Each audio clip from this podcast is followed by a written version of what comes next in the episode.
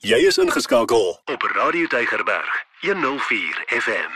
Baie welkom weer by ons geselsie weekliks waar ons vir jou wil help om lewenskwessies sommer kaalvuis aan te pak en op 'n punt te kom waar jy sê, "Maar ek, ek kies lewe." Die gas in die ateljee vandag weer is Dr. François Swart. Hy's 'n pastorale en kliniese terapeut en hy help ons op hierdie reis. Dis sy eie tyd wat hy gebruik en daarvoor is ons baie dankbaar. So Dr. François vir jou tyd vandag vir baie dankie. Hallo Lorraine, hallo luisteraars. Dr. François, hierdie is sekerlik nie 'n unieke probleem nie. Ek het agtergekom post-COVID. Baie mense, mans en vrouens, het hulle werk verloor. Maar nou kry ek 'n vraag van 'n luisteraar wat sê: "My man het sy werk verloor gedurende die COVID-inperking. En aanvanklik na die tyd het hy begin soek vir werk, maar nou begin dit vir my lyk hy is nie van plan om gou weer te werk nie. Nou sê die dame: Ek is nou die enigste broodwinner in die huis. My man sit net by die huis en dan kritiseer hy nog as daar nie genoeg kos is nie.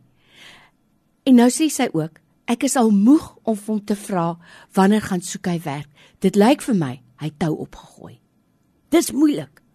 Ek dink dis moeilik eh, en dit is 'n gegewene. Dit is deel van die na-pandemie effek op ons mense. Mm. Dis ook die hele debat. Ek het gisteraand toevallig ook op televisie navorsing gehoor van eh, wat ons werkgewers oor moet besluit. Uh is dit goed om van die huis af te werk? En lyk vir my die konklusie is gekom deur die navorsing, jy moet vir 3 dae teruggaan na jou werk toe en daar mm. gaan werk. Jy kan nie die hele tyd by die huis sit nie. Nee. Maar Die belangrike ding wat ek hoor in die vraag van hierdie vrou is ek hoor by haar uitbranding. Alles kom op haar af. Mm. Sy moet alles doen en dan word daar nog kritiek gelewer op dit wat sy doen. Gewoonlik Lorraine binne familieterapie werk ons dat in 'n huishouding is daar 30 take wat weekliks gedoen moet word in 'n gemiddelde huishouding.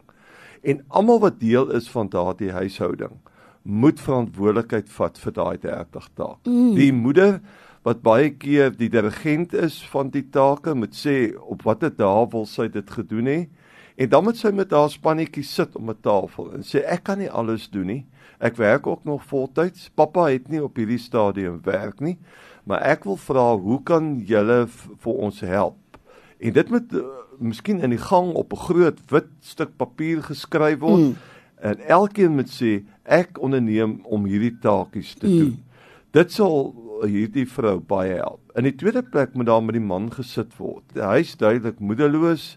Hy weet nie meer waartoe nie en hy moet weer vir homself gaan afvra, soek hy op die regte manier werk? Mm. Want as hy oor 'n motorlisensie beskik, dan moet hy die moontlikhede van 'n Uber kan hy kan besoek. Moet hy nie dalk begin met sy eie besigheid nie?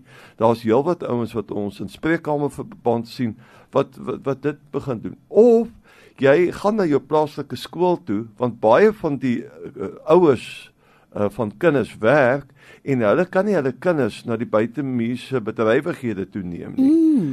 En jy onderneem dan om 3 of 4 kinders dan na hulle onderskeie plekke toe te neem. Natuurlik vir 'n fooi.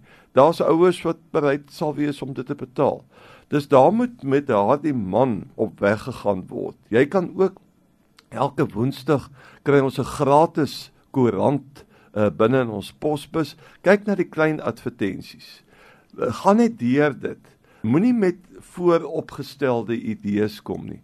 Daar's baie keer net 'n dingetjie wat jy sien wat jy sê maar ek kan dit doen. Doen aansoek daarvoor en begin werk in die rigting. Ons het al dikwels in die program vir mekaar gesê Lorraine, begin vrywillige werk doen. Ja. Want baie keer uit vrywillige werk hmm. sien mense hoe jy 'n betroubare soort van persoon is en voordat jy weet sien hulle jou potensiaal raak en bied hulle vir jou 'n werk aan. En dit is moontlik. Dis 'n uh, daardie persoon, daar hierdie man in hierdie geval moet eintlik by iemand uitkom wat vir hom bietjie kan help en idees uh ook kan gee. Maar hy sal baie mooi en duidelik mee gepraat moet word Sy vrou is besig om moedeloos te word mm. en op die eind is sy heeltemal uitgebrand en kry die hele gesin swaar. Dis agter hierdie vraag wat ons vandag behandel. Lê daar eintlik vir my groot hartseer en, mm. en en ook rooi ligte wat aangaan. En uh mense wou hê dat hierdie hierdie pappa ten minste na vore sal tree en sal sê ek neem dan nou 'n klomp goed oor om dit vir jou makliker te maak. By my in die ateljee vandag het ek vir dokter François Swart, pastorale en kliniese terapeut. Ons pak moeilike lewensvrae aan. Ons wil jou help. Ons wil jou bemagtig om by 'n punt te kom wat jy sê, maar ek kies lewe. Nou dokter François, dis nou juis op hierdie punt wat dit vir my voel asof 'n persoon so moedeloos word dat jy nie meer lewe kies nie. En ek het nou ook gewonder toe ek die vraag van die dame gesien het. Is die man nie depressief nie? En dit sluit vir my aan by wat jy nou net gesê het is uiteindelik moet 'n mens dalk verder gaan en met iemand gaan praat. Daar is werklik hulp daar buite.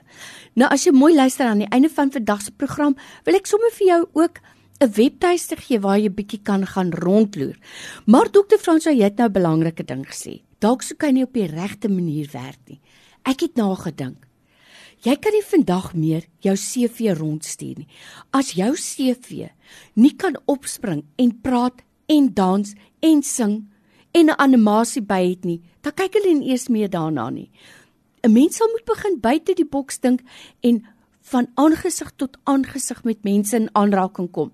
So ek weet al dat Dr. Fransjo daarvan hou om altyd 'n positiewe boodskap te gee om te sê onthou net daar is hoop.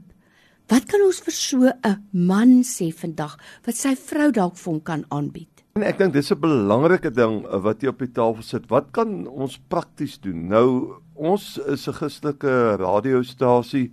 Baie van ons luisteraars is in 'n geloofsgemeenskap mm. ingebind. En dit is die wonderlikheid as jy net bietjie in jou gemeenskap gaan rondkyk. Daar is plekke in jou plaaslike gemeenskap, by jou geloofsgemeenskap of binne in jou gemeenskap waar jy direk bly waar jy jou vaardighede kan bekend maak. Mm. Jy kan baie keer met jou geestelike leier ook praat dat hy net kennis neem. Ek dink in my eie bediening het ek dit al baie gedoen dat ek vir 'n persoon sê, stuur jou CV en dat 'n mens kyk daarna, kennis neem daarvan en dit dan op op ander platforms waarby jy betrokke is, dit ook kan bekend maak. Dis uh ek dink daar's altyd hoop in Suid-Afrika. Iemand sê, ag, moet ons nie maar almal emigreer oor see nie. Want dit, dit is so chaos in Suid-Afrika.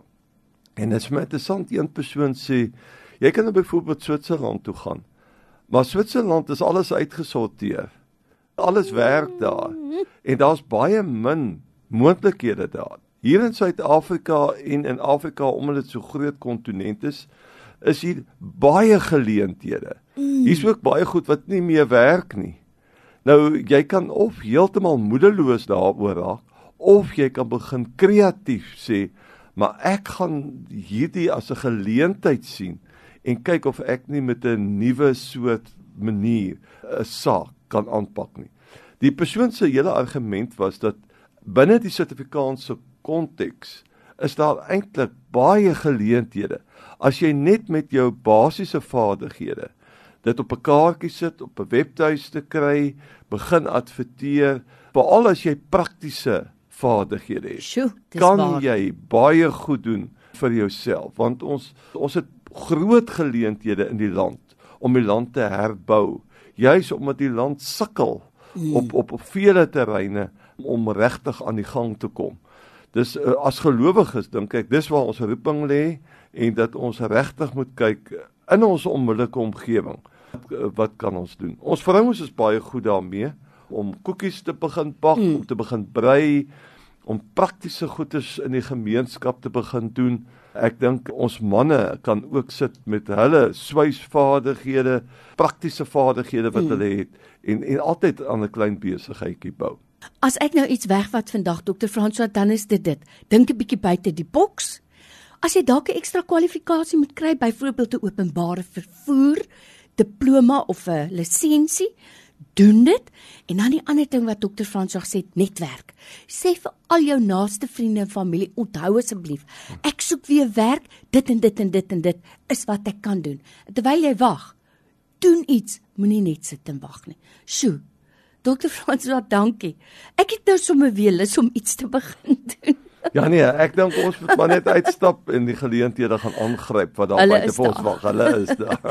nou onthou jy kan ook 'n bietjie gaan rondloer op 'n webwerf waarby Dr. Fransa betrokke is. Dit is myhulp, een woord. myhulp.co.za. En ons groet vir jou tot volgende week. Totsiens. Totsiens aan al die luisteraars. Elke dag jou nommer 1 keuse. Radio Deugerberg 104 FM.